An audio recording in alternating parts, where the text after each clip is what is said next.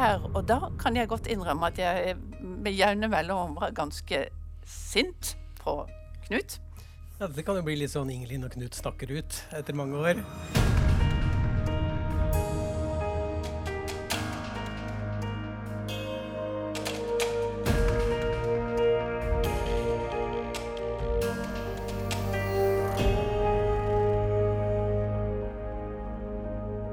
Velkommen til sjette og siste episode av Godt byråkratskjønn. En podkast i seks episoder om de syv embetspliktene. I alle episodene ser vi nærmere på forholdet mellom byråkraters lo lojalitetsplikt og en av de andre embetspliktene.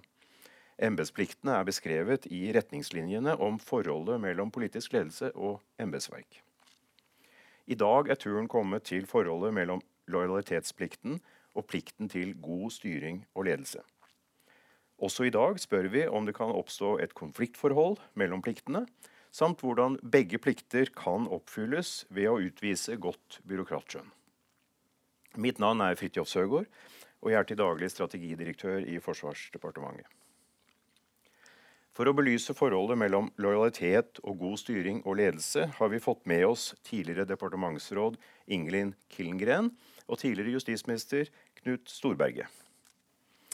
Ingelin Killengren, du har en imponerende merittliste, bl.a. som politidirektør, direktør i Difi, ekspedisjonssjef og departementsråd, og du er fortsatt høyt etterspurt, bl.a. av Kommunal- og distriktsdepartementet. Velkommen så mye til deg. Takk skal du ha. Knut Storberget, du var i årene 2005 til 2011 justisminister i Stoltenberg II-regjeringen.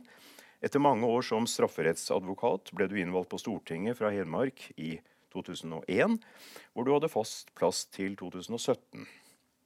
Du er i dag statsforvalter i Innlandet, en stilling du ble utnevnt til i 2019. Hjertelig velkommen til deg også. Takk skal du ha. Vi presenterte lojalitetsplikten grundig i første episode.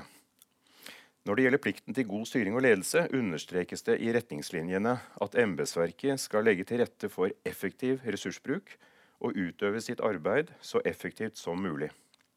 Kravet til effektivitet handler både om å gjøre tingene riktig, å gjøre de riktige tingene og å prioritere riktig.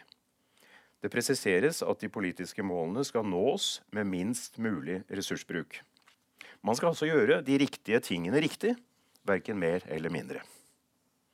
Ingelin, aller først helt kort, og så åpenhjertig som du kan.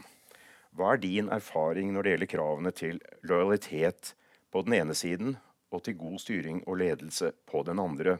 Kom du noen ganger selv i situasjoner hvor det meldte seg vanskelige avveininger? Eksempelvis at politiske målsettinger ikke uten videre lot seg forene med kravene til rasjonell drift og effektiv ressursbruk? Jeg har lyst til å si innledningsvis at stort sett så var dette helt uproblematisk. Og det har nok litt sammenheng med at du som byråkrat er veldig trent på at eh, hovedmålet med det du gjør, er å gjøre statsråden god. Eh, men så er det klart, du skal samtidig drifte og levere resultater.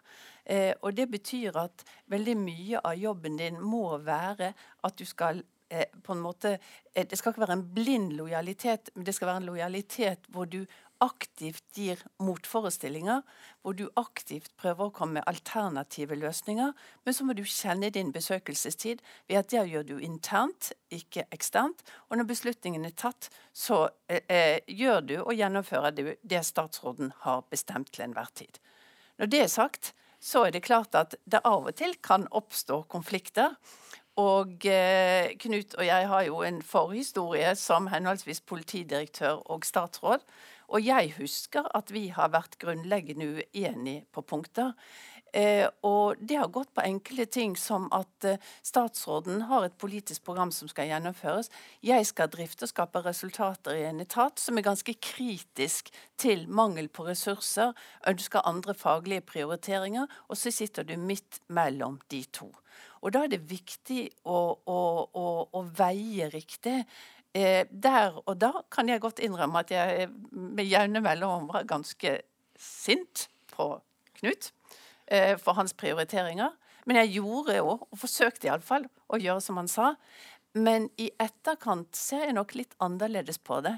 Fordi jeg kunne latt være å provosere fullt så mye på noen punkter. Og så er det noe med etter hvert så får du en større forståelse for at vi har en rolle å spille. Og den politiske rollen er ekstremt viktig.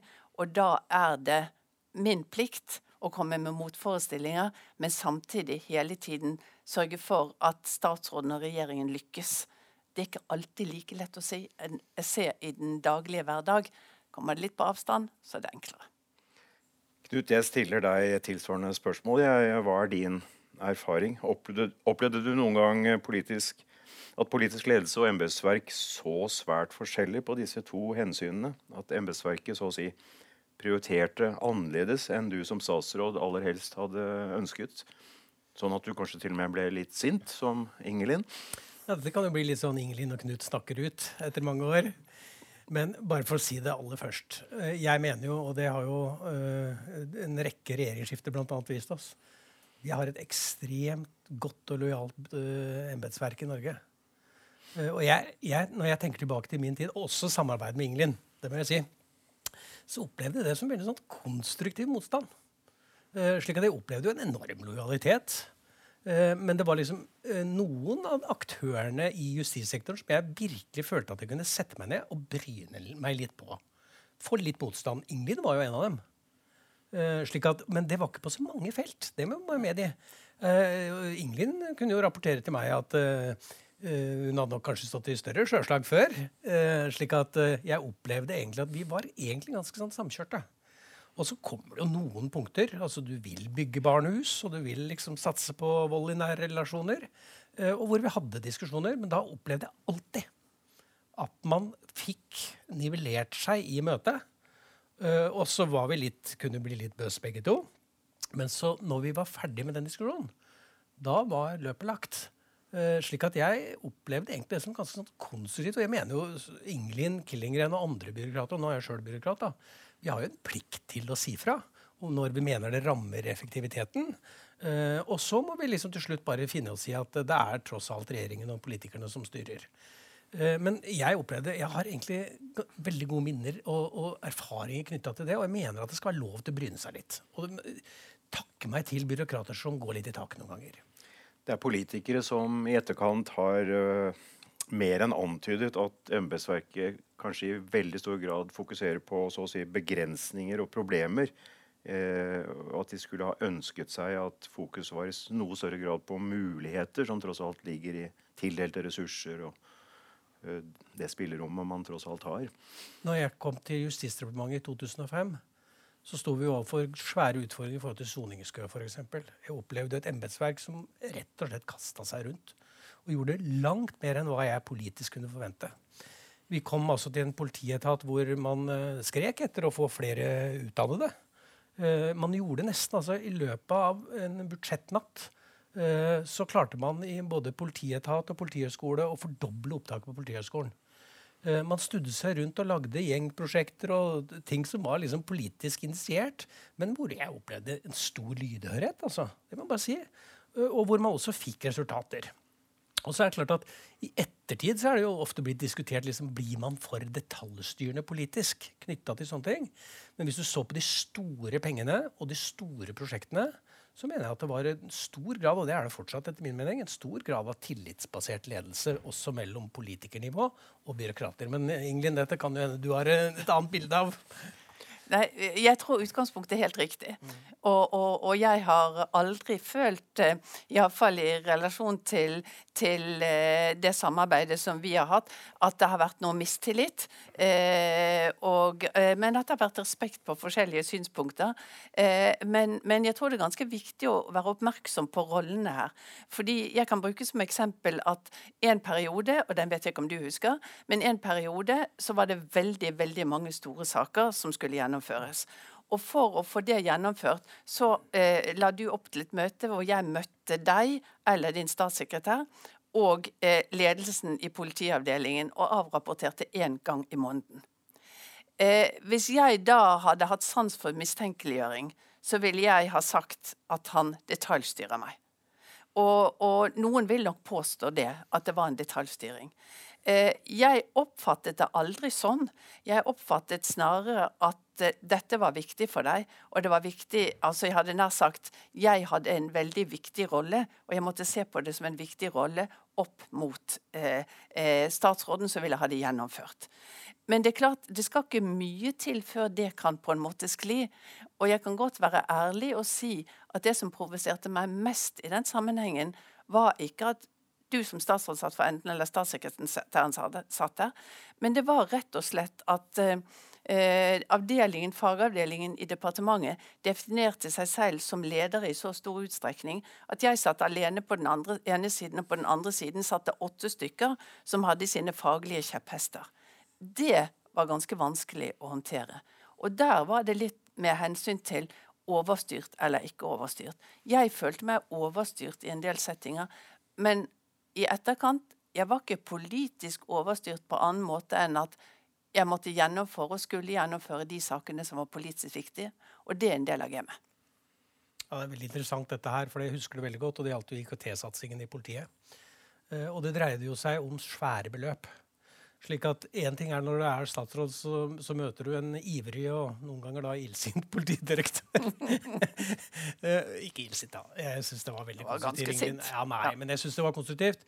Uh, når du kommer inn i departementet, og det er lunt og koselig, og du drikker kaffe og har det fint sammen, men man må huske på at en statsråd med ansvar for milliardbeløp til IKT-satsing i politiet blir møtt i en helt annen setting når han kommer i Stortinget, ut i media, ut i det åpne landskapet. Det skulle bare mangle. Eh, så det er riktig. Jeg er veldig glad for at Ingelin Klingelien nå sier det hun gjør. For at en del av formålet med ganske sånn tett eh, for da, og, og bli, Vi ble enige om at vi skulle møtes så ofte, men at man ikke gjør det nødvendigvis for å detaljstyre. Men jeg hadde et akutt behov for å til enhver tid ha gode argumenter for å forsvare den bevilgningen i regjeringen og i Stortinget. Og det er klart at det kan jo noen ganger, og særlig når uh, følget blir stort, oppfattes som ganske så detaljstyrende hvis man liksom begynner å virkelig pirke borti det, må jeg innrømme. Og sånn sett så er det, det der litt interessant, for da handler det ikke om mellom politikere nødvendigvis og embetsverk, men det handler om nivåer i embetsverket og forståelsen av direktoratstyring og departement. Eh, som også er en utfordring i dette. Og det er interessant å se at den regjeringen vi fikk i, i fjor høst, i sin plattform uh, nettopp peker på Politidirektoratet når man uh, ønsker å gjøre reformer knytta til liksom, Har vi fått for store stater i staten? som jo har vært hevda om Politidirektoratet, og, og som, som, kommer. Så jeg tror at det er en veldig også viktig diskusjon. Fint at dette trekkes fram. Det høres ut som vi kan muligens snakke om en, en, en potensiell brytning mellom ivaretagelse på den ene side av legitime politiske behov, og på den annen side plikten til god forvaltningsmessig styring og ledelse. Men eh, ikke noe nødvendig på noen som helst måte. Og som regel så er dette her ikke noe vanskelig. Det kan settes på spissen, men normalt så vil det eh, sortere seg ganske greit ut. Sånn som jeg fanger opp eh, dere to Eh, til og med to som da eh, har vært med på temperaturfylte møter. ja, altså, du må huske på det. Dette, vel, dette er en, av de mest hendelsesstyrte sektorene. Nettopp. Som gjør det vanskelig å politisk håndtere justissektor og politi. Eh, men jeg må jo si at en av de erfaringene jeg hadde kom inn i departementet, eh, det var jo at embetsverket, men også politidirektøren, Ingelin, da, var jo av de som faktisk hadde satt seg ned og lest den politiske plattformen og si at vi, vi kan bidra for at du får gjennomført denne politikken ved å gjøre sånn og sånn. Uh, og der var jo si, det, det, ofte presenteres som det er vi som slenger partiprogrammet i bordet, liksom. Men det var ofte motsatt. Vi, vi, vi har registrert. Og så uh, kom man med forslag til løsninger. Det hører man jo sjelden om i media eller i etterpågranskinger, men sånn var hovedinntrykket. Ja, jeg tror det er helt riktig. Og så tror jeg det er en annen ting som er litt viktig å peke på. At nå snakker vi om disse politiske sakene og hva som er viktig å få gjennomført. Det som ofte er underkommunisert, er at hvis du sitter i en sånn embetsstilling, satt som politidirektør f.eks., så har mitt hovedproblem å få penger til løpende drift. Alle de prosaiske, kjedelige tingene som, gjør, som ikke gjør at Knut ville bli gjenvalgt, eller regjeringen bli gjenvalgt. Der ligger det noen dilemmaer som er ganske vanskelige. Eh, og de syns jeg ofte man bruker litt lite tid på. For den prosaiske hverdagen er rett og slett hvordan skal du klare å tilfredsstille alle de der som trenger penger, til alt som er politisk uinteressant. Mm. Og den er ganske vrien. Og forståelsen for at embetsverket har en viktig rolle i en sånn setting, den er ikke alltid like stor. Og i politiet var den veldig på spissen, ikke minst fordi at politiet er eh, fullt av eh, mennesker med veldig sterke oppfatninger, og tradisjonelt har ekstremt sterke fagforeninger, som hele tiden forteller at politidirektøren ikke klarer å skaffe penger til de, pengen, de tingene de har lyst til. Og Da blir det noen dilemmaer her. Men uenigheten går ikke på gjennomføring av de politiske tingene. Det er på en måte å koble de to og vise at du faktisk drifter og leder og styrer en organisasjon, selv om du utad ikke forsvare alle ropene om flere ressurser og mer til drift. Vedlikehold er vel et typisk behov som ofte blir eh, salderingspost, eh, dessverre, i den daglige dont.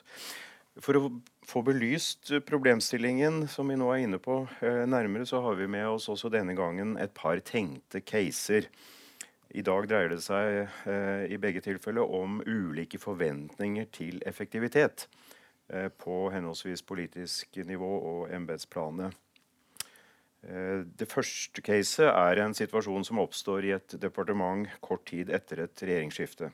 I den nye regjeringens politiske plattform er det slått fast at det er påkrevd å spare kraftig inn på pengebruken på et nærmere angitt samfunnsområde. Det er ikke snakk om penger knyttet til rettighetsbaserte ordninger, men like fullt eh, penger med tilknyttet politisk krutt. Eh, du sitter, altså dere begge nå, sentralt i embetsverket og inngår i departementets ledergruppe. Under et møte med den nye statsråden gis det politisk beskjed om kraftig reduksjon av den aktuelle pengebruken allerede i kommende års budsjett. En av dine kolleger på møtet fremfører tydelig skepsis mot dette. Et drastisk grep så å si over natten, som han kaller det. Mange ville bli berørt, og mange kunne få problemer. Både forvaltningsloven og utredningsinstruksen måtte følges, og det måtte gjennomføres grundige konsekvensanalyser. Din kollega foreslår på denne bakgrunn at det ble nedsatt et utvalg for å vurdere nærmere budsjettreduksjoner på det aktuelle området. Oppsummert måtte, han, måtte man for, øh, sikre forsvarlig saksbehandling, puste gjennom nesen og ta ett skritt av gangen. Hva kan og bør du som en del av departementets ledelse si i en slik situasjon? Ingelin først. Jeg vil først og fremst si at hvis et sånt pålegg kommer, så er det opplagt på en måte at det må gjennomføres. Så å vise til utredningsinstrukser og den typen ting, det syns jeg er på siden. Altså det er på en måte en avsporing. Eh, her er det et politisk vedtak. Det må man gjennomføre. Sette ned et utvalg? Nei. Her er det rett og slett hvor kan vi spare, og hvor kan vi ikke spare? og Hvordan gjør vi dette på en fornuftig måte? Hva er motforestillingene, og hvordan skal vi få til å gjennomføre dette best mulig? Og jeg, jeg har erfaring for at det er sånn byråkratiet faktisk tenker. Og hvis vi skal være helt ærlige òg, eh, uansett hvilken sektor du går til, så er det det er, det er vanskelig å Daukjøtt er et galt uttrykk, men det er områder å spare på. Og da er det noe med å ta den situasjonen og gjøre det beste ut av det. Men å begynne å hoste opp alle de tingene vi er forpliktet etter, det kan politikerne, det vet embetsverket. Sett oss ned og jobb, få opp motforestillingene, få opp de som tingene som er vanskelig, men dette skal gjennomføres. Knut, er du på linje? Ja, det må jeg si jeg er. Eh, men, men, samtidig så er det jo en erfaring eh, verken Ingelin eller jeg har særlig i stor grad, tror jeg. Faktisk. Jo, men det er sant. Altså, Vi er jo en generasjon både politikere og byråkrater som egentlig ikke vet hva reelle kutt er. Slik at når Ingelin og jeg fikk problemer med politiorganisasjonene, eh, og det var jo hver gang vi hadde lagt fram et statsbudsjett, så var det jo ikke fordi at man fikk kutt, men det var at man fikk mindre mer. Ja. Slik at man fikk 100 millioner det første året, og så fikk man 50 det andre. Da var det mindre mer, og ble jo framstilt i offentligheten som kutt. Du hadde jo i totaliteten fått 150 millioner. Men jeg har bare lyst til å si at jeg er enig med Ingelin. Men jeg mener jo at det er fortsatt en litt sånn embetsmessig plikt og en byråkratmessig arbeidsoppgave å kunne varsle og si fra hvis det har vært konsekvenser som ikke har vært tydelig framme i saken. Slik at eh, Om man ikke får et utvalg, så bør man i hvert fall ha en mulighet for å kunne si fra at det er rom i et departement eller direktorat for å faktisk uh, uh, heve røsten og si at det her det vil få sånne og sånne konsekvenser. Det bør også regjeringen være klar over. Og enhver regjering bør være glad for om man har den type kritiske medspillere på laget. Det er akkurat det. Det er vel noe eh, lojalt i å også si fra. Jeg er enig i det, men jeg vil strekke den egentlig litt lenger. og Kanskje jeg er nå altfor lojal. Men altså, eh, jeg er helt enig i at det må man si fra om. Men jeg syns man må si fra om det i en kontekst hvor du da på en måte legger frem alternative forslag til hvordan skal vi klare å gjennomføre dette som faktisk er en politisk beslutning, og som, som du må ha forståelse for er vanskelig å gå tilbake på, uten å få til de konsekvensene som er de mest dramatiske. Jeg ville justert den litt. God byråkrat er jo ikke noe rart jeg ville forlenge åremålet til Ingling Killingren. Det var en god medspiller å ha med seg. Skal la være å kommentere det. Også det andre tenkte caset dreier seg om politiske forventninger som ikke uten videre blir innfridd. Det er onsdag formiddag, eh, og din statsråd er i Stortingets spontanspørretime. Du er fagansvarlig for noen saker som det kan bli spørsmål om. Og du har deltatt i utarbeidelsen av diverse beredskapsflak, altså mulige svarpunkter som statsråden har med seg. Din statsråd har, blir hardt presset med påfølgende spørsmål om en av de sakene du har ansvaret for. Du følger med via skjermen på kontoret ditt og blir litt skamfull over hvor vaklende og usikker statsråden fremstår. Mens spontanspørretimen fortsatt pågår, mottar du en SMS fra statsråden som stiller deg følgende spørsmål. Hvis jeg får en ny mulighet på talerstolen, kan jeg da supplere mitt tidligere svar med at regjeringen planlegger en økning av budsjettet til det aktuelle området med 100 millioner kroner over de kommende to år. Du vet at du må svare uhyre raskt. Skal det ha noen verdi? Og du vet at det står en del på spill for statsråden. Samtidig tror du statsråden kan ha rett i at det er snakk om 100 eh, millioner, men du er på ingen måte sikker. Knut, først eh, denne gangen har jeg lyst til å spørre deg. Hvilket råd ville du gitt til denne stakkars statsansvarlige?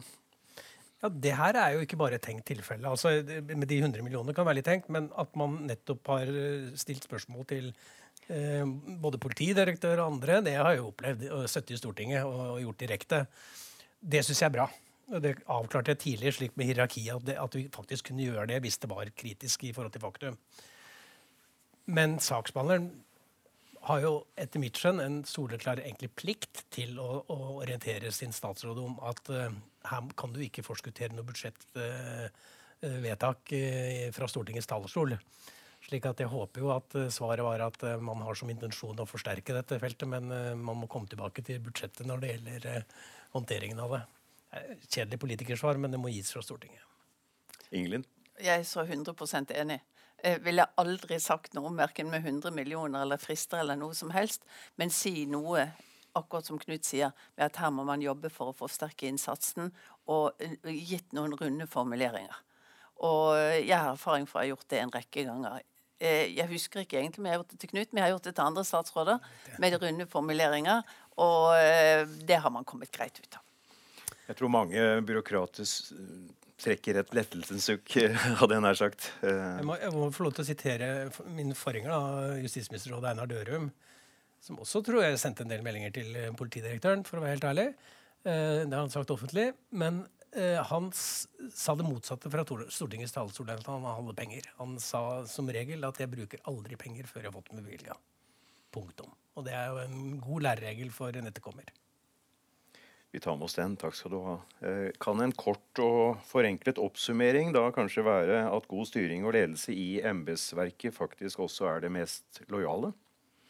Vel å merke når god styring og ledelse defineres som å gjøre de riktige tingene riktig, som vi var inne på. Altså ikke bare gjøre tingene riktig, eh, og selvfølgelig langt mer enn kun å unngå å gjøre feil, for å si det litt kronglete. Eller for å spisse det da ytterligere, at god styring og ledelse både er forvaltningsmessig forsvarlig og det mest lojale overfor en statsråd. Retorisk spurt. Ubetinget ja. Eh, og så tror jeg det er veldig viktig at man klarer å holde helt tydelig at den konstruktive tilbakemeldingen og den gode styringen det skal skje innomhus og ikke eksternt. Og jeg har et godt eksempel på det. Jeg eh, er blitt tatt ganske kraftig og i etterkant ser jeg det helt berettiget av Odd Einar Dørum. Jeg ble intervjuet i Aftenposten og vært, var forferdelig skuffet over budsjettet og sa at vi driver på kanten av det forsvarlige. Da ringte Odd Einar Dørum og sa at dette her er langt over grensen. Eh, jeg var da ganske opphisset fordi jeg mente at det var riktig å gi beskjed. Fordi det var helt sant. Vi drev på kanten av det forsvarlige. Men jeg måtte jo og skulle jo ikke gå ut med det. Da tipper du over grensen. Dette må skje internt. Og jeg har bare lyst til å føye til at uh, god styring og ledelse er nettopp avhengig av at vi har et embetsverk som sier ifra. Uh, men i det rette fora, og på mange måter uh, varsler forsvarlig, så vi bruker moderne språkdrakt.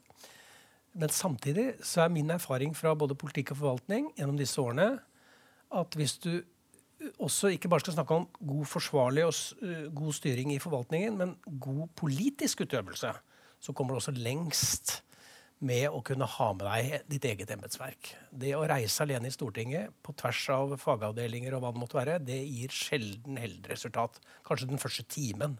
Men du går veldig fort, og du merker at du brenner deg fort på det. Så jeg hadde som en sånn gyllen leveregel at jeg skulle aldri servere noe fra Stortingets talerstol som ikke liksom, visste at var sikkert i fagavdelingen min. Det kunne bli litt grått og kjedelig, men det sto seg. Og det sto seg over tid. Tusen takk. Eh, til dere eh, begge for å dele verdifull innsikt eh, med oss og, og lytterne. Da dette var uh, siste episode av vår podkastserie, så gjenstår det dessuten for meg å takke lytterne for å ha vært med oss uh, hele veien, kanskje. Ofte vil det ikke finnes fasitsvar i den departementale hverdag. Desto viktigere blir godt byråkratisk skjønn. Vi håper vår podkast vil inspirere til videre refleksjon og diskusjon, slik at eh, det gode departementale skjønn stadig videreutvikles og forbedres. Takk skal dere ha.